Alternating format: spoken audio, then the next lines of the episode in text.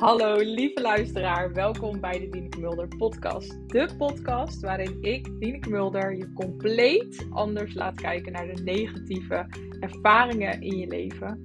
Hoe je hier positief naar kunt kijken en hoe je deze om kunt zetten in een persoonlijke transformatie. Enjoy the ride!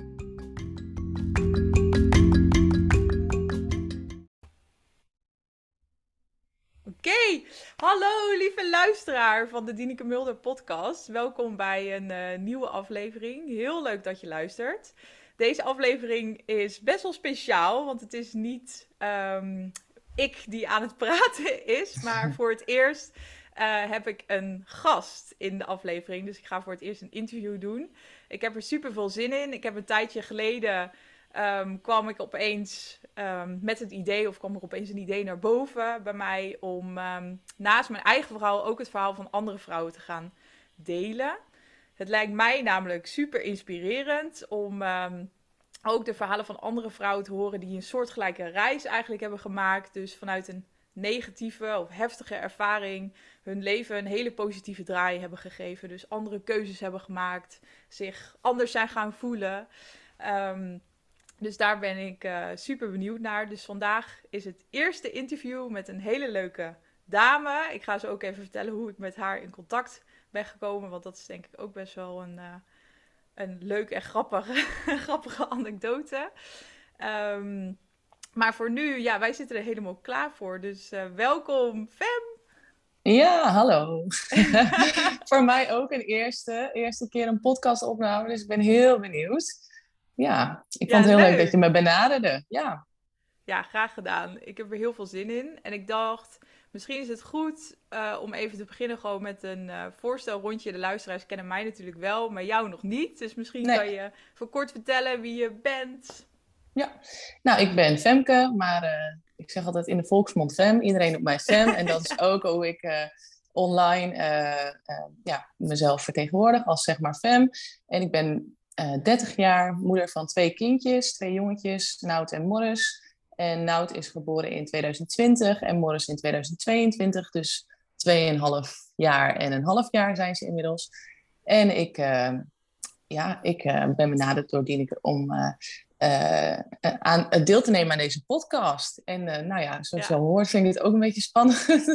maar ja, uh, superleuk om een verhaal te delen en hopelijk anderen daarmee te kunnen inspireren. Dat is eigenlijk ook wat ik afgelopen twee jaar uh, online zelf heb proberen te doen. En uh, nou, het is alleen maar leuk om daar meer, meer platformen aan te geven. Dus ja. Ja, heel benieuwd. Ik heb heel veel zin in. Ja. En je noemde al een paar keer online, hoe je jezelf ja. online vertegenwoordigt. Dus misschien is het ook een leuk haakje om te vertellen hoe ik bij jou terecht ben gekomen. Um, want mijn vriend, die is nogal gek op TikTok. Ik zat er zelf nog niet op. Nu wel. Ik ben een beetje begonnen. Heel goed. Um, maar hij stuurde een, uh, ja, echt een, ik vind ik een heel mooi TikTok video, TikTok filmpje van jou door. En hij zei, moet je dit eens kijken. ik denk dat dit heel erg bij jou past en wat je wilt, ook met de interviews en zo. Dus ik keek dat filmpje. Ik uh, voelde ook best wel emoties daarbij.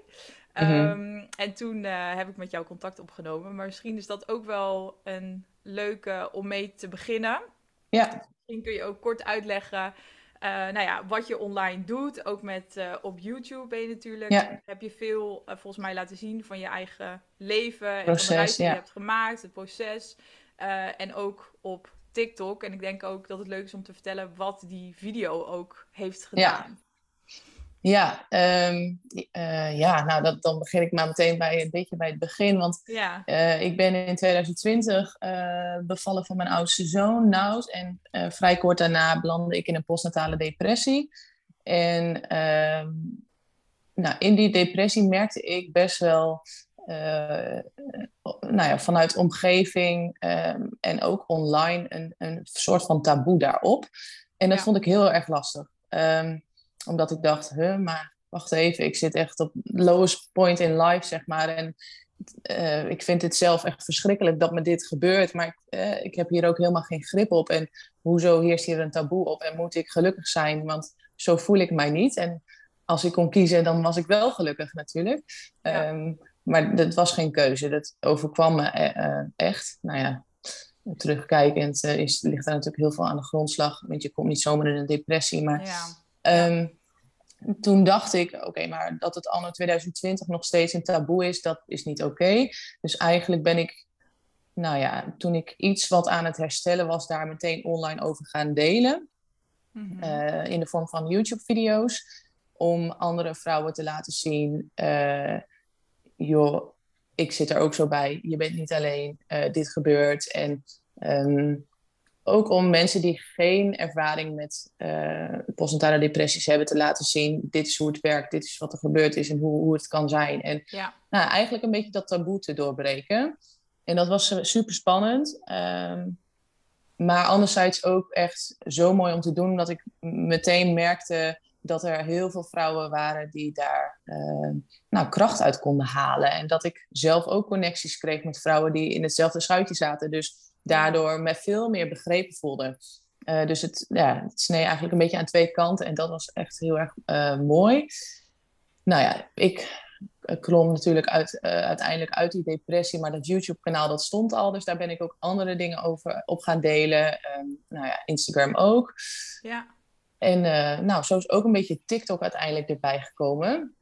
En de video waar jij naar refereert, uh, is onlangs heb ik een video geplaatst waarin ik eigenlijk laat zien dat ik 2020 uh, een depressie had en um, dat het dus echt niet goed ging met mij. Dat ik daarover online ben gaan delen en dat ik stap voor stap me steeds beter ging voelen. En dat ik voor een tweede durfde te gaan en dat het een totaal andere ervaring was. En Um, dat dat mede komt omdat ik in de tussentijd zoveel andere keuzes heb gemaakt in het leven en qua mindset. En nou, die video werd heel goed ontvangen. Ik geloof dat hij inmiddels 160.000 keer is bekeken en heel veel connecties gemaakt, ook weer met vrouwen die nu in een depressie zitten, die zeggen, joh, dit biedt perspectief. Ja. En anderzijds uh, ook vrouwen die zeiden van, joh, ik heb dit 30 jaar geleden meegemaakt en toen was dit echt uh, nog een grote taboe en het is zo goed dat je dit doet. En nou ja, heel veel verschillende reacties, maar overal eigenlijk alleen maar positief. En uh, ja. nou, die TikTok, ja, die heeft jou, jouw partner dus, heeft jouw man ook voorbij zien komen, ja. Ja, ja. Nou, dat is echt in een, in een nutshell een beetje wat de afgelopen twee jaar is gebeurd. Ja. ja. Thanks. Nou, ik heb heel veel vragen natuurlijk hierover. ja, ja, snap ik. Hey, als eerst nog even over die video, want uiteindelijk is dat toch de best bekeken video geworden op jouw TikTok-kanaal? Uh, een van de betere. Ik heb uh, één, ja, dat, maar dat is echt een hele random video. Die is iets van 700.000 keer bekeken. Hmm. En dan komt deze volgens mij. Ja, um, ja. Dus dit is wel, ja, deze is wel, uh, ja, is wel een beetje lijken gegaan. En dat had ik zelf helemaal niet verwacht, want ik heb hem echt letterlijk op een zaterdagavond dat ik dacht, oh, ik heb eigenlijk best wel veel beeldmateriaal. Laat ik dat eens even achter elkaar gaan zetten. En gewoon eh, eigenlijk heel random en helemaal niet per se de content die ik uh, maak op TikTok. TikTok is voor mij eigenlijk een beetje een ander platform geworden qua content. maar die video werd wel heel erg ja, goed opgepakt, ja, ontvangen. Ja. Ja, inderdaad. Want je zei net ook, uh, door die video zijn ook, heb, hebben andere vrouwen ook weer contact met je opgenomen. En vrouwen die zeiden van nou, 30 jaar geleden heb ik dit ook meegemaakt. Ja. Toen voelde het ook al als een taboe. Um, er zijn inmiddels natuurlijk dingen veranderd. Hè. Ik denk ook dat we in deze tijd dat er veel meer aandacht is ook voor um, um, nou ja, dit, dit soort ervaringen en uh, hoe, je, hoe je emotioneel voelt, zeg maar, rondom uh, zwangerschap, bevalling, ja. het, het vroege moederschap. En uh, je hebt ook een paar keer het woord taboe genoemd. Hoe zou jij, um, ja, hoe voelde dat taboe destijds voor jou? Hoe zou je dat omschrijven? Nou, ik voelde me heel erg um, onbegrepen in, in uh, mijn verdriet en, en mijn machteloosheid die ik voelde. Um, kijk, uh, mensen gaan niet letterlijk tegen je zeggen van, nou, je hebt toch een baby, dus je moet, hè, waarom ben je niet blij? Maar ja. dat is wel wat bij, nou, wat ik wel heb ervaren in de ondertoon, als mensen dan vroegen hoe het ging, hè, dat ze per se wouden weten hoe het dan allemaal gekomen was. En um, ja, dat, je, dat je denkt van, um, oké, okay, maar ik wil gewoon eigenlijk horen dat het vervelend is en dat het shit is dat ik me zo voel. Ik wil dat je ja. me erkent in mijn verdriet in plaats van maar gaan zoeken waar, waarom het zo is. Ja. En en mensen hebben ook de neiging om heel snel allemaal oplossingen aan te dragen. En zo van, ja. oh, dan moet je even ja. dit doen, moet je even dit doen. Terwijl dat eigenlijk helemaal niet is wat je op dat moment wil, zeg maar.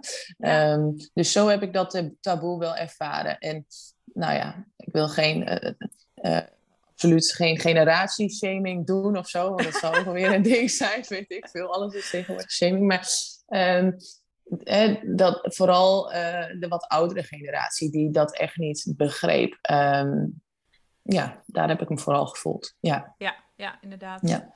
Waarom denk je, want voor mij is dit ook, um, uh, ook herkenbaar. Ja. Ik heb een negatieve bevallingservaring gehad. Mm en als ik er nu naar terugkijk, denk ik, het is misschien ook wel logisch dat mensen. Um, dat het misschien wat comfortabeler is voor mensen om op zoek te gaan naar wat is de oorzaak en hoe kan je het oplossen. Herken je dat?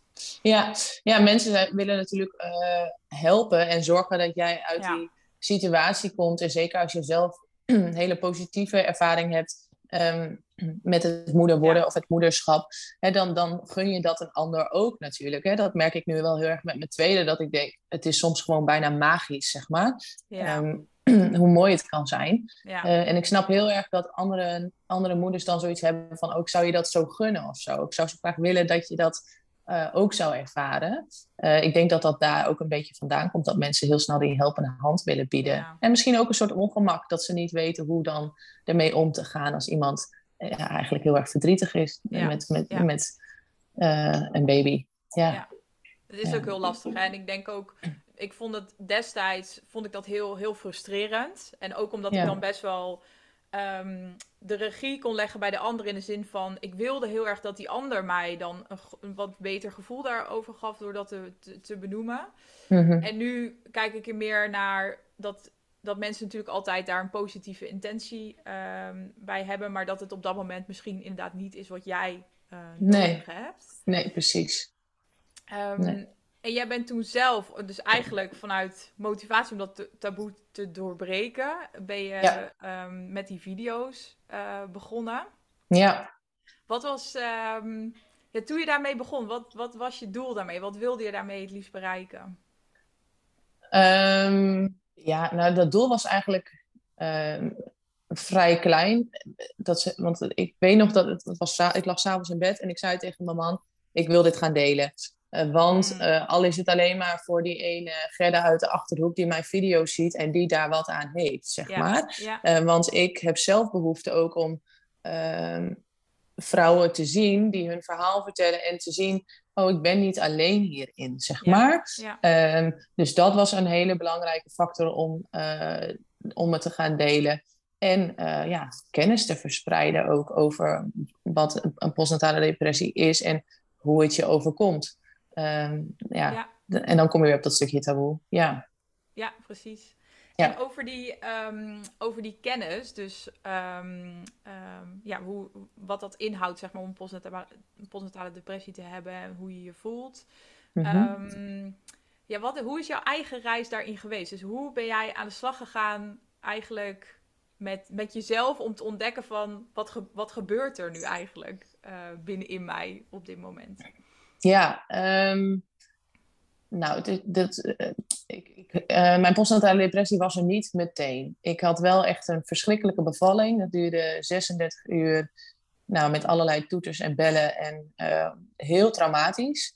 Ja. Um, maar goed, toen kwam ik thuis en toen dacht ik, oké, okay, ik wil niet dat dit een slechte start is of een slecht start zijn. Ik, eh, ik laat dit nu los, ik heb een, ik heb een baby en mm. uh, we gaan er voor, zeg maar. Dat was een beetje mijn mindset. Die eh, bevalling, die laat ik achter in het ziekenhuis en uh, zo. Ja. Um, alleen toen bleek Nout een, uh, een huilbaby te zijn. Die helde 10 tot 12 uur per dag en die was niet te troosten. Ja. Dus wat gebeurde er? Ik kwam thuis met mijn baby en hij huilde alleen maar. En ik dacht, oké, okay, ja, maar ik ben toch zijn moeder. Maar ik kon hem dus niet stil krijgen. Ja. Uh, dus 10, 12 uur per dag zit je in gekrijs. Je bent herstellende van een bevalling die traumatisch is geweest. Nou ja, dus je komt in een soort van overlevingsmodus, zeg maar. Um, mm-hmm. En toen op een gegeven moment had ik het gevoel, oké, okay, er gaat iets mis met die voeding. Want elke keer als hij een voeding krijgt, dan begint dat huilen. En tegen die tijd dat hij weer een nieuwe voeding moet, dan is hij vaak weer wat rustiger, maar dan begint het riedeltje weer opnieuw. Ja. Um, dus ik ging op een gegeven moment, dacht ik, aan een, zelf aan een uh, koelmelkallergie. Nou, dan ga je daar de, de reguliere uh, uh, wegen voor bewandelen en je komt bij een huisarts terecht. Nou, die nam mij helemaal niet serieus. Die, um, die gaf aan dat het heel zwaar was om voor de eerste keer moeder te zijn. En dat er krampjes waren. En dat ik dan even over het ruggetje met de klok mee moest. Of het buikje met de klok mee moest wrijven. En dan zou het allemaal wel goed komen. Ja. Dus met dat uh, bericht ging ik weer naar huis. Nou, dat huilen stopte natuurlijk niet. En uh, toen, uh, nou, ik bleef maar met dat gevoel worstelen. Ik denk dat het een koelmelkallergie is. Nou, toen ben ik weer naar die huisarts gegaan en die zei, nou, die nam me weer niet serieus. Die zegt, dat is maar 5 tot 6 procent van de baby's en bla bla bla. Ik zeg, ah, ik word helemaal, echt letterlijk helemaal gek van dit gehuil. Ja, ja. Um, ik wil een doorverwijzing naar de kinderarts. Nou, dat ging je me niet geven. Ik zeg, nou ja, als jij die niet gaat regelen, dan ben ik zelf van het ziekenhuis. Ik ga hoe dan ook met het kind naar het ziekenhuis, want ik denk dat het een koelmelkallergie is. Nou, consultatiebureau, weet je, je krijgt dan al die standaardwegen. Nou, dat, dat ja. werkte allemaal niet. Uiteindelijk uh, toch uh, met enige uh, drang bij die huisarts voor elkaar gekregen dat ik een doorverwijzing kreeg naar het ziekenhuis. En toen zei mijn vader tegen mij, Fem, maar jij bent toch zijn moeder. Als jij denkt dat het die voeding is, dan haal je toch zo'n bus met koelmelkvrije voeding op en dan probeer je het toch gewoon. Ja, mooi. Zo, zo gezegd, zo gedaan. Na de eerste fles stopte het huilen. En toen, nou ja, ik weet nog, uh, toen stopte het huilen. Nou, toen was Nout acht weken of zo. En toen klapte ik volledig om. Toen klapte ik eigenlijk direct in die depressie ja. van een overlevingsstand. Waar ik ja. dus 24-7 in had gezeten werd de trigger werd weggenomen, namelijk ja. dat huilen. Ja. En toen klapte ik helemaal om. Ja. En toen zakte ik in die depressie. Ja, hoe merkte je dat, dat omklappen? Uh, nou, toen begon ik zelf met huilen. Hij stopte en ik begon, ja, dat is helemaal niet grappig, maar ik, ik, ik, mer het, ik werd heel emotioneel. Ik kon helemaal niks ja. hebben. Ik moest ja. constant huilen. Als mensen me vroegen naar de bevalling, moest ik huilen. En uh, op een gegeven moment toen was ik, uh, was ik zo in paniek en toen heb ik mijn moeder gebeld en toen zei ik: Mam, het gaat echt niet goed. Je moet nu hierheen komen, want het, ik, ik, ik, voel me, uh, ik voel me zo somber. Het, mijn hoofd is zo zwaar. Ik geniet niet van, van nou, het gaat niet goed. Ja. En toen kwam mijn moeder, die kwam hier binnen en die heeft zelf een postnatale depressie gehad uh, toen ze mij kreeg. Mm. En die zei: Fem, uh, ik herken dit en uh, ik wil dat je naar de dokter gaat. Ik wil niet dat jij hiermee blijft lopen, want ik denk dat er dit en dit aan de hand is. En ga maar naar de dokter, want hoe eerder je daarbij bent, hoe sneller dat herstel ook zal gaan. Nou, dat wou ik natuurlijk helemaal niet horen, want het ging prima met mij. Ik was alleen een beetje verdrietig, maar dat, komt omdat, hè, dat kwam omdat mijn baby had gehuild. En uh, ja. nou, die was gestopt. Dus zo was ik dat nog een beetje aan het bagatelliseren. En toen zei mijn man bevestigde eigenlijk mijn moeder. Nou, dat had even twee dagen nodig. En toen, uh, toen viel het kwartje bij mij ook. En toen ben ik naar de huisarts gegaan. Ja. Ja. ja. En um, kende jij het verhaal van je moeder? Ja. Voordat je ja. zelf ging bevallen?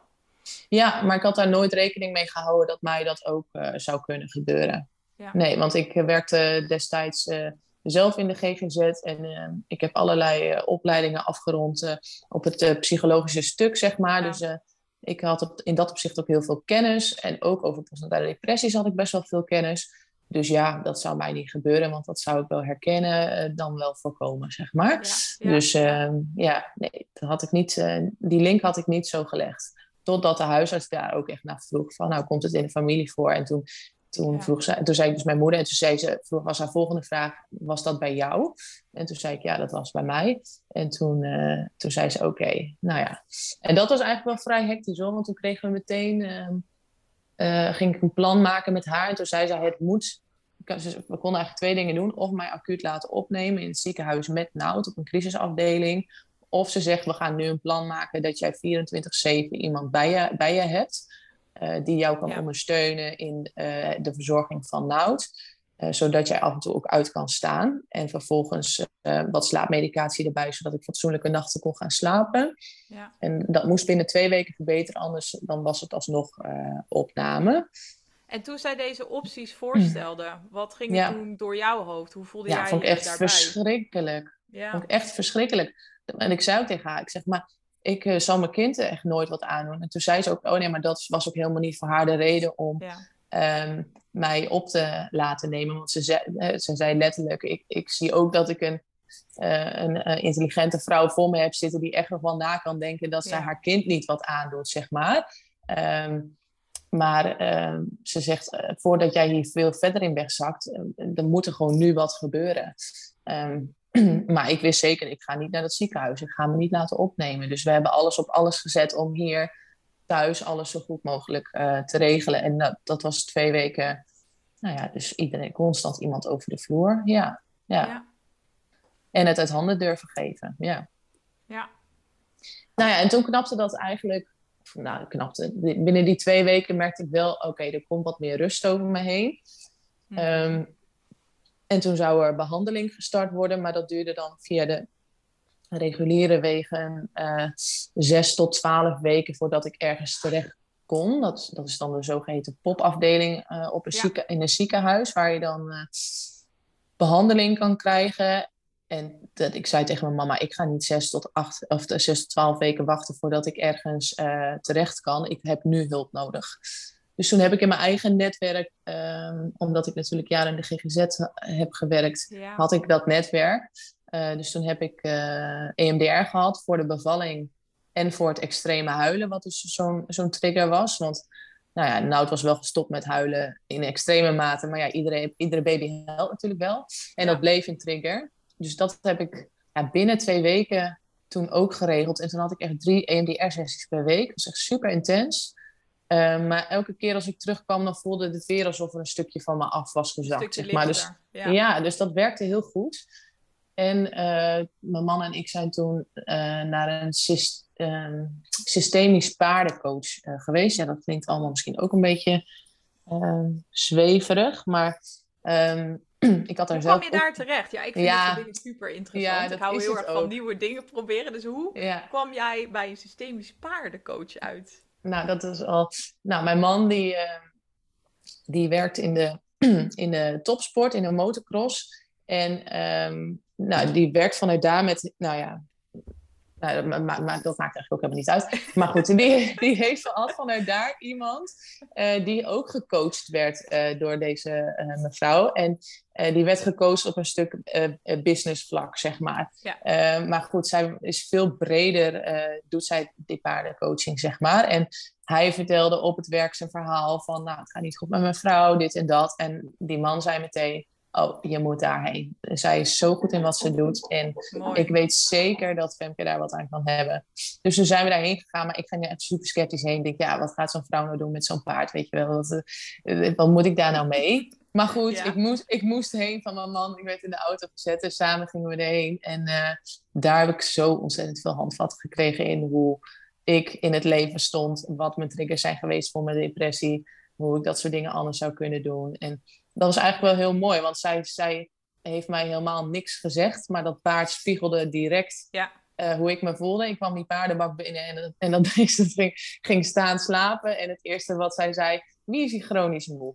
Wie legt chronisch de latten hoog? Nou ja, dat was natuurlijk ik. En dat was het eerste wat ze zei en was meteen raak. En toen dacht ik, oké, deze vrouw weet wel wat ze aan het doen is. Ja. Ja. Ehm, dus ja. Want uh, kun je voor, voor de luisteraar, kun je, de, de, mm, kun je een beetje schetsen hoe dit gaat voor iedereen die nog nooit paardencoaching heeft gedaan? Ja, nou dat is, ik, heb, ik heb daar dus ook een video over gemaakt. Dus mochten, eh, mochten mensen die video willen zien, stuur me dan vooral een berichtje. Want ik heb die video's Ik zal hem ook even in de show notes zetten. Ja, dat is goed. Want ik heb ze in principe op uh, privé gezet, maar met een deelbare link. Dus als mensen mij vragen, dan kan ik de video's sturen.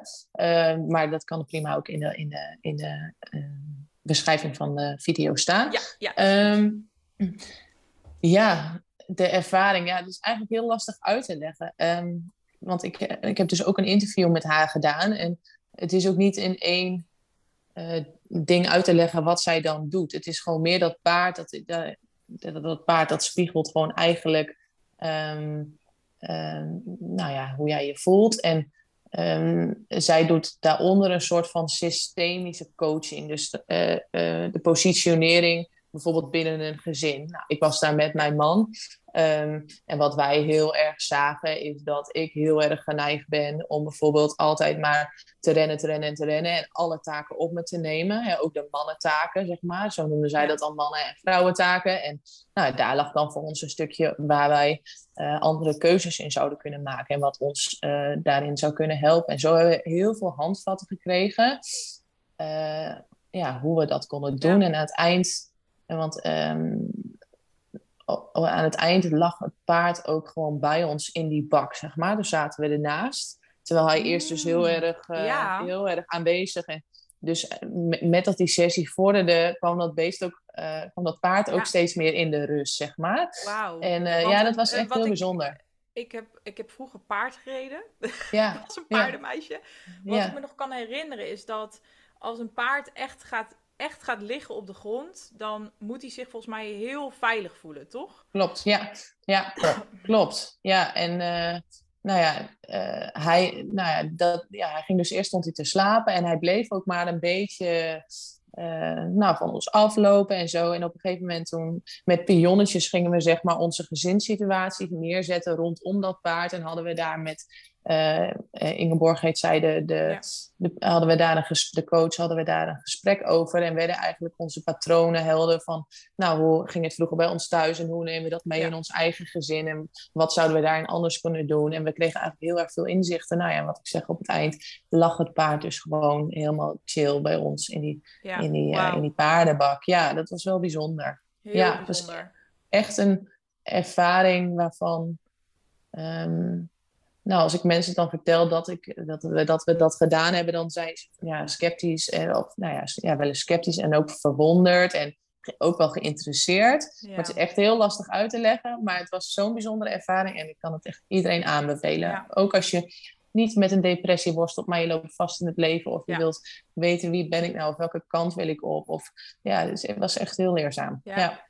Heel mooi. Wat ik zo tof hieraan vind, en dat is ook eh, waar ik helemaal enthousiast van word, is dat ehm, ik denk dat we in deze maatschappij heel gewend zijn. Dus als we iets heftigs meemaken, om, eh, er is heel veel aandacht voor de verwerking. En ik denk ook Mhm. dat dat heel goed is, want eh, ook in mijn eigen verhaal, wat ik van andere vrouwen hoor, dat, dat is ook de eerste stap, denk ik, die je moet nemen, zeg maar. Of mag, je moet niet, maar nee. ehm, die je kan nemen om het, het, zeg maar de eerste verwerking om daarmee te beginnen. En heel vaak gaan we dan ehm, eh, in gesprek, ehm, starten we met therapie met een psycholoog of een therapeut. Ja. Eh, ik heb ook EMDR gedaan, heeft mij ook heel erg geholpen. Maar ik merk dat ik het allermeeste heb gehaald uit het proces daarna. Ik heb geen Mhm. paardencoaching gedaan, maar wel andere vormen. Ik noem het zelf een beetje ja, lichaamsgerichte coaching. Want Ja, ik denk dat dat ook heel erg in, in paardencoaching zit. Het gaat niet zozeer over het gesprek wat je dan met degene hebt die, die het begeleidt, maar meer echt wat er, ja, denk ik, binnenin jou gebeurt en eh, met dat paard. En dat dat Ja. zoveel interessante inzichten volgens mij geeft. ja, Ehm, ook hoor ik jou zeggen, als je het hierover hebt, dan het gaat bijna niet eens over die postnatale depressie, maar nee. vooral over alles, ja, eigenlijk eromheen, je leven daarvoor. Klopt dat? Ja.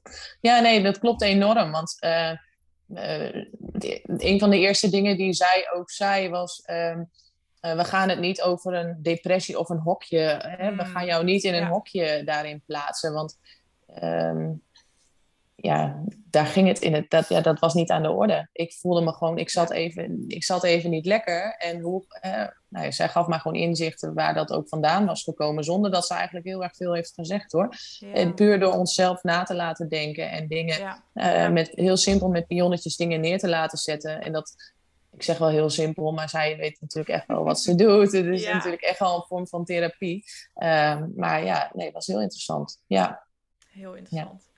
Ja, En jij noemde ook eh, dat je zei van nou, ik heb er heel veel over geleerd over mezelf, maar ook wat, eh, volgens mij noemde je wat de triggers zijn geweest Ja, eh, ja. voor die depressie. Wil je, daar, wil je daar iets meer over vertellen? Want in het begin hebben we wel Zeker. over gehad van dat het soms voelt alsof dingen je nou, bijna per toeval overkomen. En dat je in het begin, had ik ook heel het gevoel kan hebben van waarom gebeurt mij dit nou? En dat je daar best wel boos en gefrustreerd over kan zijn.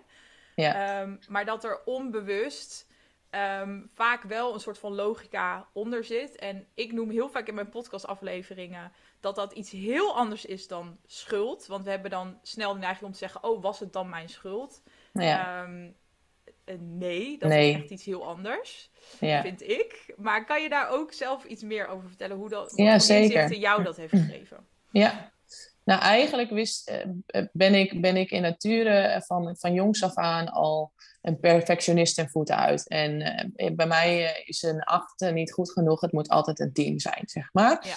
En ehm, nou, dat, ik, ik wist dat het wel van mezelf hoor. Dat wist ik heel goed, dat ik zo in elkaar zat. Uh, maar dat is eigenlijk in de jaren daarvoor, voor mijn depressie, ook wat er constant is gebeurd. Constant die lat zo hoog en constant maar willen presteren en moeten en gaan. En um, uh, eigenlijk altijd heel erg veel van mijzelf uh, gevraagd daarin. Um, dat in combinatie met een baan waarvan ik eigenlijk al vier, vijf jaar riep: dit is mijn sector niet meer. Uh, Maar ook in die baan uh, constant omhoog willen klimmen en meer. Ik was op een gegeven moment was ik uh, op mijn 26e was ik leidinggevende. Um, ja. Want nou ja, in, dan zou ik wel hè, als ik het, het, het dat ene stuk niet leuk vind, dan vind ik het misschien wel in dat managementstuk. Dus laat ik dat dan maar proberen. Dus vervolgens weer heel hard aan het werk om daar dan weer te komen. Nou ja, dat was een van de, van de, de dingen die mij, nou ja, die een hele goede aanloop heeft gegeven om uiteindelijk in een depressie te belanden, zeg maar. een stukje perfectionisme, maar ook wel een stukje altijd maar leven en doen Um, ook voor een ander. Hè? Wat vindt een ander van mij? Of hoe maak ik een ander gelukkig? En uh, in plaats van, hé, hey, maar wat vind ik nou zelf eigenlijk leuk? En wat geeft mij nou energie? En ja. Um, nou ja, dat, dat zijn denk ik de twee belangrijkste factoren geweest. Nou, vervolgens heb je dus een traumatische ervaring in de vorm van zo'n bevalling en vervolgens een hellbaby. Ja. Um, en dat was gewoon eigenlijk de nekslag in combinatie denk ik ook met hormonen hoor. Want hormonen hebben hier ook echt wel wat, uh, wel wat in gedaan. Ja. Uh, maar goed, weet je, dat, was, dat was de bevalling. Uh, ik denk als ik geen kind had gekregen dat er, en er was iets anders gebeurd, was ik ook op. Ik was een keer omgeklapt, zeg maar. Er was een keer gekomen dat mijn lichaam had gezegd: stop. Je, je, je vraagt veel te veel van jezelf. Je bent veel te lang al uh, niet aan jezelf aan het denken. ja. Want als ik hem samenvat, wat ik ook uh, hoor in verhalen van, van andere vrouwen en bij mezelf zie, is dat je al heel lang vastzit in bepaalde patronen. Dus bij jou bijvoorbeeld de perfectionist. En maar doorgaan en doorgaan en misschien niet... Um, ja, een beetje de, misschien de stem in jou negeren die eigenlijk al weet, dus met je werk bijvoorbeeld, wat je, wat je vertelde, die eigenlijk al weet van ja, dit is gewoon niet meer wat ik wil, maar dan toch doorgaan. Um, dus dat je heel lang vastzit in die patronen die je misschien toen je kind was eh, heel erg hebben gediend. Die je hebben geholpen om, uh, nou ja, te, te, om overal de beste in te zijn. Ja, of letterlijk te overleven misschien wel als baby en later als kind natuurlijk. En als je dan heel lang in die patronen blijft zitten, op een gegeven moment gebeurt er dan, dan iets. En of dat nou, nou ja, toeval is of niet, daar, daar kunnen, we, kunnen we over discussiëren. Ik geloof mhm. soms wel eens van, misschien komen sommige ervaringen ook op je pad om je te helpen om die patronen te, te, doorbreken. Ehm, en dat je op een gegeven moment dan zo al die laagjes zijn afgepeld, ja, dat het gewoon dat het gewoon bijna dus niet meer lukt om die patronen in stand te houden. Ja, klopt. Ja. Is dat iets wat je herkent ook bij je, in je eigen verhaal? Ja, ja zeker, zeker. En um, nou ja, wat ik al zei, weet je, de, de, komt dan op een gegeven moment, dan, dan komt er een moment dat dat gewoon klapt en dan krijg je gewoon dat inzicht. Uh, van joh, zoals ik het altijd heb gedaan, zo kan ik niet verder. Want dan komt het gewoon niet goed. En um, nou, dat heeft geleid tot heel veel keuzes en het, het, doorbreken van dat soort patronen. Wat anderzijds ook heel erg onlogisch en onnatuurlijk voelt. Want je hebt het altijd zo gedaan. Dus het is heel gemakkelijk om dan in die oude patronen maar door te gaan, zeg maar. Of ik merk het nu ook als ik minder in mijn vel zit, dat ik weer naar die oude patronen toe neigt te gaan. Alleen weet ik ze nu te herkennen en weet ik daarop te anticiperen. Um, maar ja, het is heel erg, ja, heel erg herkenbaar wat je zegt. Ja, ja. ja. ja. mooi. En je zei van nou, toen, toen begon dus een, een soort van proces van dat ik begon om die patronen te, te doorbreken en andere keuzes in mijn leven te maken. Kan je ons daarin meenemen? Hoe, hoe ben je dat gaan doen? Hoe ben je daarmee aan de slag gegaan? Um, ja, nou, ik, uh, had dus inderdaad die, uh, die paardencoaching gedaan en die EMDR gedaan. En ik merkte eigenlijk dat ik uh, langzaam maar zeker toch weer een beetje mezelf begon te worden. En wat meer nou, wat meer uh, grip begon te krijgen. Dus toen begon ook het reïntegratieproces bij de werkgever. Ehm, want ja. ja. op een gegeven moment moet je natuurlijk weer aan het werk. En um, heel laagdrempelig heb ik dat werk opgebouwd en heb ik toen al wel aangegeven, door die managementfunctie, daar ga ik niet in terugkomen. Nou, mijn, mijn huidige werk, of mijn werkgever toen was heel erg meedenkend, dus ik kon wel in een andere functie terugkomen. En, ja. Nou, dus dat heb ik gedaan. En met dat ik weer volledig aan het werk was, wist ik eigenlijk ook al, ah nee, dit is het niet. Dit is, dit, dit is gewoon niet meer mijn, mijn, mijn sector. Ik, ik, uh, ik wil dit niet meer. Ja. Dus daar wel heel veel gesprekken uh, thuis over gevoerd. En um, nou, ik was toen dus ook al met zeg maar fan begonnen. En social media is altijd al een beetje mijn, uh, heeft altijd wel mijn interesse gehad. In combinatie met, fo met fotografie. Um, dus toen ben ik eigenlijk, heb ik gewoon de stoute schoenen aangetrokken. En toen ben ik hier naar een lokale ondernemer gegaan. Joh, mag ik wat content voor jou maken en zorgen dat het online gaat? Um, gewoon kosteloos, maar het lijkt me leuk om me daar eens in te verdiepen. En nou, die vond dat prima, zeg maar. Uh, en zo is dat balletje een beetje gaan rollen. En ik ben daarin wel heel erg gestimuleerd ook door mijn man, die zelf uh, ook ondernemer is en die ook zag, oh, ze, hè, ze gaat weer terug naar die baan waar ze dus eigenlijk al heel lang geen plezier meer uithaalt. En die heeft dat eigenlijk ook wel een beetje doorgedrukt. Van Fem, ga nou maar gewoon voor je dromen. En ga nou gewoon maar doen wat je leuk vindt. Want als je doet wat je leuk vindt, dan krijgt dat vanzelf handen en voeten. En dan gaat dat vanzelf lopen. Uh, dus dat die steun had ik, wat mij ook vertrouwen gaf uh, hè, om dat roer helemaal om te gooien. Want aan het eind van de rit, ja, je rekeningen moeten wel betaald worden en je leven gaat wel gewoon mhm. door. Dus dat is ook een factor die meespeelt. Ja. Um, dus ja, dat vond ik heel spannend. In eerste instantie ben ik dat gaan doen naast mijn baan. Um, in de, in de GGZ dan. En uh, toen, nou ja, toen ging dat zo lopen. En toen op een gegeven moment kon ik zeggen, ik stop. Ik stop met, met werken uh, bij de GGZ. En ja. ben ik volledig voor mezelf gegaan. Super spannend.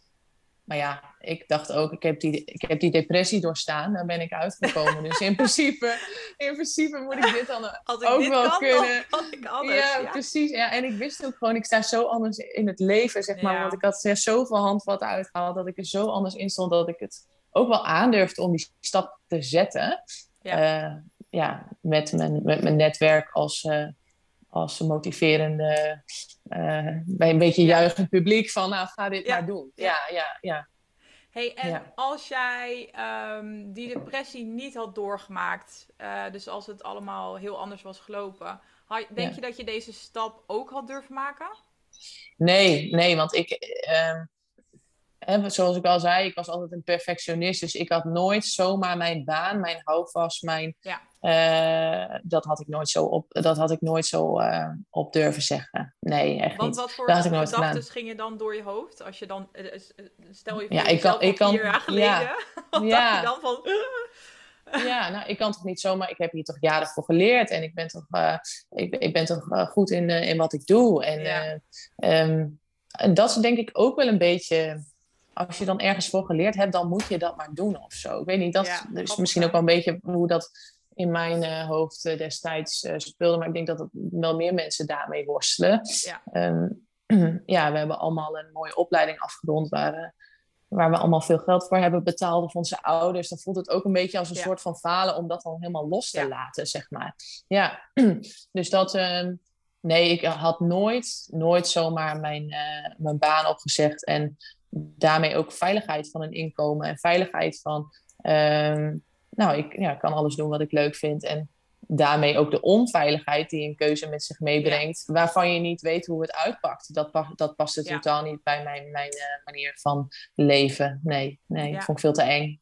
Ja, ja. ja. ook herkenbaar. Want hoe ga jij nu met die, um, met die onveiligheid om? Want hoe ik het ervaar is maar ik heb veel meer het gevoel dat ik me nu mijn leven echt leef. Mm -hmm. um, en dat ik. Uh, en daar vind ik hoort ook bij, dus dat je risico's neemt en dat je dingen doet die je gewoon nou, fucking eng vindt. Ja, ja. Um, maar ik kan die onveiligheid beter dragen op de een of andere manier. Hoe, hoe ervaar jij dat? Hoe ga je daarmee om nu? Um, ja, ik, nou, ik ervaar die onveiligheid eigenlijk helemaal niet meer op die manier. Uh, toen ik net voor mezelf begon, had ik dat wel hoor. Want dan is het natuurlijk spannend en je weet niet wat er komt.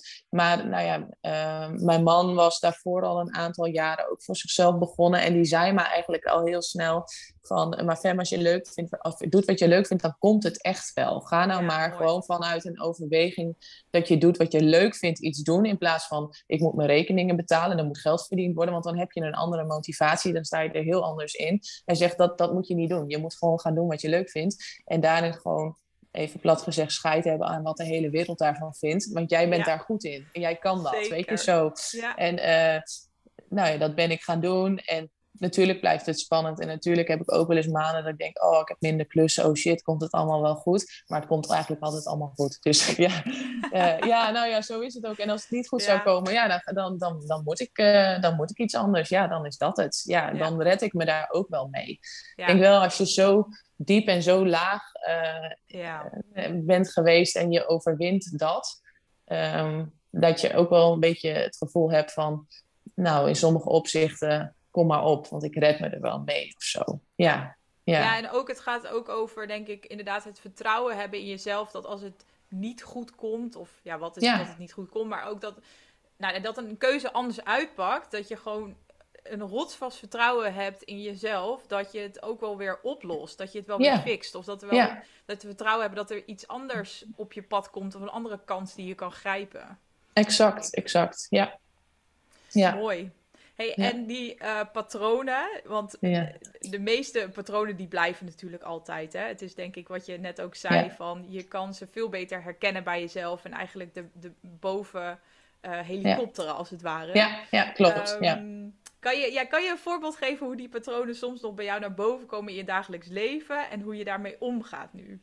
Ja, um, ik denk, ja, nou, ik ben nog steeds wel een perfectionist. Alleen weet ik nu wel te herkennen, oké, maar uh, ik vraag nu bijvoorbeeld uh, echt te veel van mezelf. En dat herken ik dan in een stuk uh, vermoeidheid, vermoeidheid, maar ook een stuk ongemotiveerdheid. Zeg maar dat ik merk, oké, maar waarom raak ik nu ongemotiveerd? Of wat maakt dat ik nu geen zin heb om aan het werk te gaan of wat dan ook? Ja. ja, dan komt het omdat die lat weer veel te hoog ligt. En ik vooral weer bezig ben om um, um, iedereen het maar zoveel mogelijk naar de zin te, naar de zin te maken. In plaats van, oké, maar wat is voor mij nu goed? Is het voor mij nu goed om die dag rustig op te starten en van 9 tot 10 even geen afspraken te plannen en gewoon rustig te douchen en mijn kop koffie te drinken? En dat zijn dan dingen, daarin maak ik veel bewustere keuzes om, um, ja, letterlijk vaak echt, dat is het eigenlijk best wel vaak, letterlijk wat meer rust in mijn leven in te bouwen. Ja, ja. ja. ja. En dat deed ik eerder nooit. Dan dende ik maar gewoon door. Ja, ja. Dus nu ook dus- beter aan het luisteren echt naar jezelf. Ja, wat ja, je lichaam je vertelt. Ja, en uh, dat is vermoeidheid. Dat, nou ja, dat is denk ik wel de... Nou goed, nou ben je met twee kinderen natuurlijk altijd wel moe. Maar er zit, zit, wel, zit wel verschil in. Uh, ja, nou ja, vermoeidheid, maar ook druk in mijn hoofd. Als ik merk dat ik echt druk ben in mijn hoofd en met duizenden dingen bezig ben en overal weer lijstjes liggen, dan denk ik ook van, oh je moet even een stap terug, want er gaat iets, je bent het overzicht weer kwijt. Ja, ja, nou, dat soort dingen. Dat zijn voorbeelden, ja. Ja, ja. Mooi en uh, leuk om te horen hoe je hiermee omgaat. Ik denk dat het vast voor heel veel vrouwen die luisteren is ook heel herkenbaar is. Ja. Um, misschien nog twee vragen om af te sluiten. Want jij vertelde net dat jouw man heel supportive is geweest. Ja. En ook goed om even te noemen, want wij zijn allebei uh, aan het ondernemerschap uh, gestart. En we zeiden ook, uh, we hebben een klein voorgesprekje gehad per telefoon. En toen zei ik ook tegen jou, heb jij ook het gevoel dat als jou...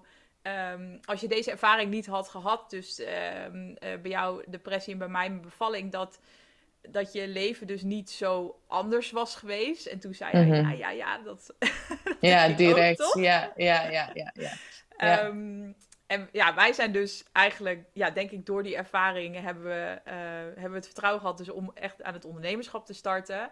Um, maar uh, ik denk dat het wel goed is om te benoemen dat dit natuurlijk niet, uh, dat deze aflevering niet bedoeld is om elke vrouw ervan te overtuigen om, om je baan te, te starten. Nee, nee. Maar ik denk dat het gewoon een heel mooie, zie deze aflevering ook als inspiratie om, om, bij jezelf na te gaan op verschillende gebieden in je leven, zou ik zeggen. Ook en vooral natuurlijk in werk, wat bij heel veel mensen een super groot deel van je leven is.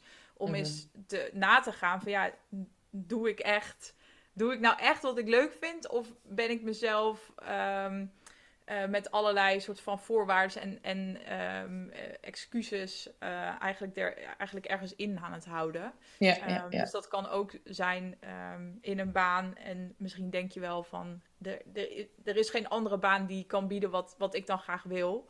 Mm -hmm. terwijl dat wellicht wel zo is. Dus dat nog even als, uh, als uh, een notitie erbij. Ja, nou, en ook als je dat dan wil, um, ga dan voor jezelf na van uh, wat heb ik nodig om dat te kunnen doen. En weet ja. je, dat, dat was voor mij wel, ik had wel een gedegen plan uiteindelijk liggen hoe ik dat zou gaan doen. Hè? En ondanks dat het een risico is, ja, denk ik wel dat het heel belangrijk is om passies of dromen na te streven. En ja, ja nou, nou ja, wat, ja. Nou, dat zou, dat zou ik zeker doen. Dat zou ik zeker adviseren. Maar ik zou zeker niet morgen je baan opzeggen en maar gewoon uh, ondernemer gaan worden. Nee, nee, dat zou ik niet doen. Nee, nee. Nee, en ik denk dat, dat de vraag die ik altijd heel mooi bij aansluit. Want jij vertelt dat, je, dat jouw man heel uh, supportive is geweest hierin. Uh, er zijn vast ook vrouwen die voelen van ik wil, ik wil het anders. Maar als ze dat bespreken, misschien wel met hun partner of hun familie. Uh, en dat gebeurt natuurlijk vaak, hè, dat we onze eigen angsten op andere pro yeah. projecteren. Yeah. Um, heb je misschien nog een, een tip of een advies voor vrouwen die dus wat minder supportive omgeving hebben, maar wel heel graag uh, iets in hun leven willen veranderen? Hmm. Ja, nou, um, ja, wat ik, zou, ik, ja, wat ik zeg, ik zou het, ik zou het voor jezelf um, gaan uitdenken van hè, hoe zie ik dat dan voor me? Waar liggen mijn kwaliteiten en waar word ik dan echt uh, gelukkig van? En als je daarin dan niet zoveel risico wil nemen, en ik heb in eerste instantie ben ik het ook ja. gaan doen naast mijn uh, baan, waar ik, hè, waar ik wel een inkomen uithaalde. En toen dat ging lopen, uh, mijn, mijn ondernemerschap. En toen kon ik ook gewoon uh, aan mensen die het misschien wel een wat spannende stap uh, zouden vinden, kon je gewoon, ik kon gewoon laten zien van ja, oké, okay, maar ik haal hier de euro's uit. Deze stappen gaan goed. Hè? dit wat ik leuk vind, dat heeft effect. En dat, dat nou ja. Um, dus ja, ik zou een gedegen plan maken en ik zou daarnaast zorgen dat je nou, bepaalde zekerheden behoudt voordat je, ja. voordat je een enorme stap erin maakt. En anderzijds ook soms gewoon wel een beetje scheid hebben hoor.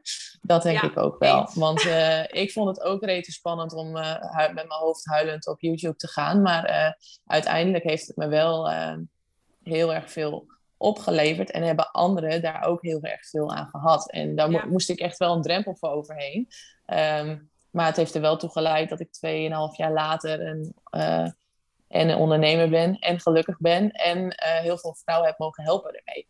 Dus ja. ja. soms moet je ook door bepaalde barrières heen um, om verder te komen. En als dat nou een niet supportive husband is, man is, dan is dat, ja, dan is dat soms ook een hobbel om te, om, uh, om te nemen. Niet dat je je man dan moet verlaten, maar wel dat je moet gaan kijken hoe kan ik het dan toch realiseren ja. uh, en, en zijn goedkeuring of zijn vertrouwen daarin ja. uh, behouden. Ja, ja. ja. Ja, of ook waar ik ook net aan zat te denken, want jij, um, um, dat, ik, ik denk dat ik dat ook heel erg had. Ik was ook altijd een heel erg perfectionist en een pleaser. En ik was vooral heel erg bezig om super hard mijn best te doen op alle vlakken mm -hmm. in mijn leven. Mm -hmm. um, zo ook dat ik heel erg bezig was met dus de goedkeuring krijgen van anderen. En ja. Um, ik liet daar best wel veel van afhangen, denk ik, als ik daar nu op, op terugkijk. Dus, heel herkenbaar, ja ja, dus stel dat ik die stap naar het ondernemerschap destijds had, had gemaakt. Dat had ik helemaal niet gedurfd, maar stel dat ik hem toen had gemaakt. En mijn vriend is ook uh, vrij supportive, maar hij is ook soms nog wel eens uh, bang. Want ik heb best wel wat spannende keuzes al gemaakt in de afgelopen ja. acht maanden. En hij zegt ja. soms ook wel eens tegen mij: Nou, zou je dat nou wel doen? En ik denk dat als hij zoiets tegen mij een paar jaar geleden had gezegd, dat ik direct had gedacht: oh, nee, ik moet nee, doe ik niet. En nee. dat ik heel erg ehm, mijn vertrouwen in mezelf uh, zou laten afhangen van wat een ander tegen mij zei. En dat is wel heel erg veranderd. Dus dat kan ik misschien nog wel meegeven aan uh, de vrouwen die luisteren. Dat dat, uh, ja, dat dat iets heel moois is, denk ik, waar je mee aan de slag kan gaan vanuit zo'n ervaring. Ja. Um, en wat misschien ook kan helpen, wat ik zelf ook heb gedaan in het ondernemerschap, is ook mensen weer opzoeken die ook uh, ondernemer zijn. Ja. om daar heel veel, ja, om daar heel veel positiviteit en herkenning uit te halen. Ja, en dat is wel heel erg herkenbaar, want ik heb dat ook gedaan. En je merkt als je jezelf met ondernemers uh, omringt, zeg maar, en je hebt daar gesprekken mee, daar haal je alleen maar inspiratie en motivatie uit en nieuwe ideeën uit, waardoor je alleen maar verder, verder en verder komt, zeg maar. Ja. Dus dat is echt wel, vind ik wel een hele goede tip. Ja. Ja. Mooi. Alright, ja, ik denk dat we aan het einde zijn gekomen. Dus ik dacht, misschien is het wel leuk om nog af te sluiten met één vraag aan jou. Ja. Um, als er vrouwen luisteren die nu door, nou ja, door een heftige periode gaan, een heftige ervaring achter de rug hebben, misschien wel al aan het, uh, het, stukje verwerking zijn begonnen.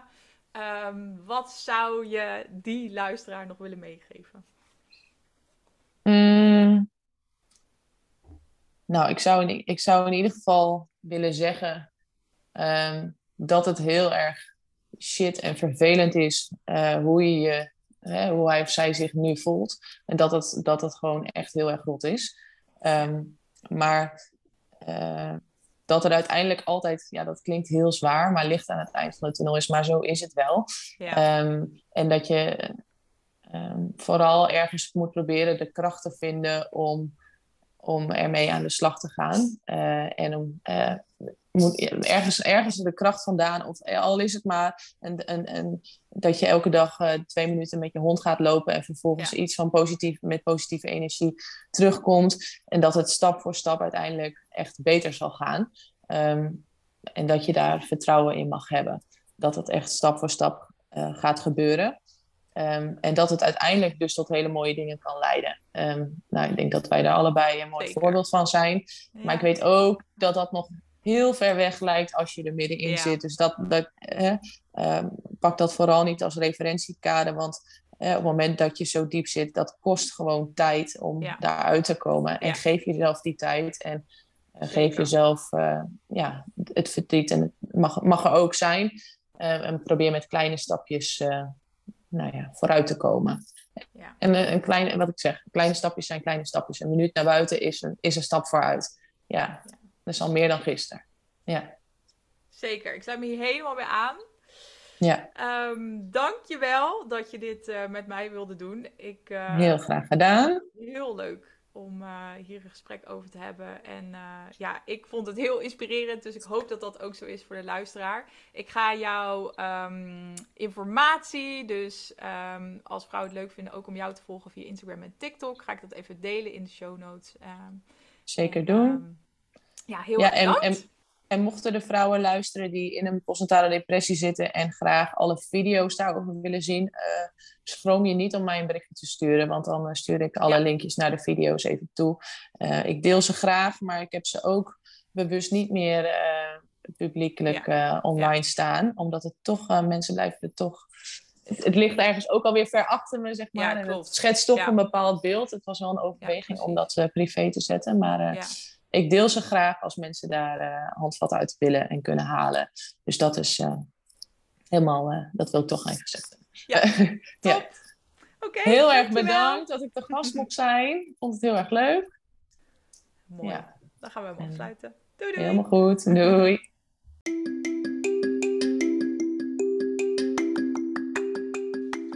Ja, heel erg bedankt weer voor het luisteren. Als je dit een leuke aflevering vond en je vindt het leuk om naar mijn podcast te luisteren, zou je dan alsjeblieft willen abonneren op mijn podcast. Dat kan via Spotify. Als je naar de algemene pagina gaat van mijn podcast, zie je zeg maar onder mijn foto een, een knop staan waar je me mee kan volgen. Je kan ook het belletje aanklikken Dan krijg je een berichtje elke keer als er weer een nieuwe aflevering online staat. En daarnaast zou ik het super, super leuk vinden als je mij een 5 sterren review zou willen geven. Dat kan ook weer onder de foto. Je hoeft alleen maar op de sterretjes te klikken, verder niks in te vullen. Dus zo gepiept. Daar zou ik heel blij mee zijn. Daarnaast heb ik ook een Instagram pagina. Je kan me volgen via Mulder. En aan het einde zit nog een underscore, een laag streepje. Ik hoop dat ik je daar zie en tot de volgende.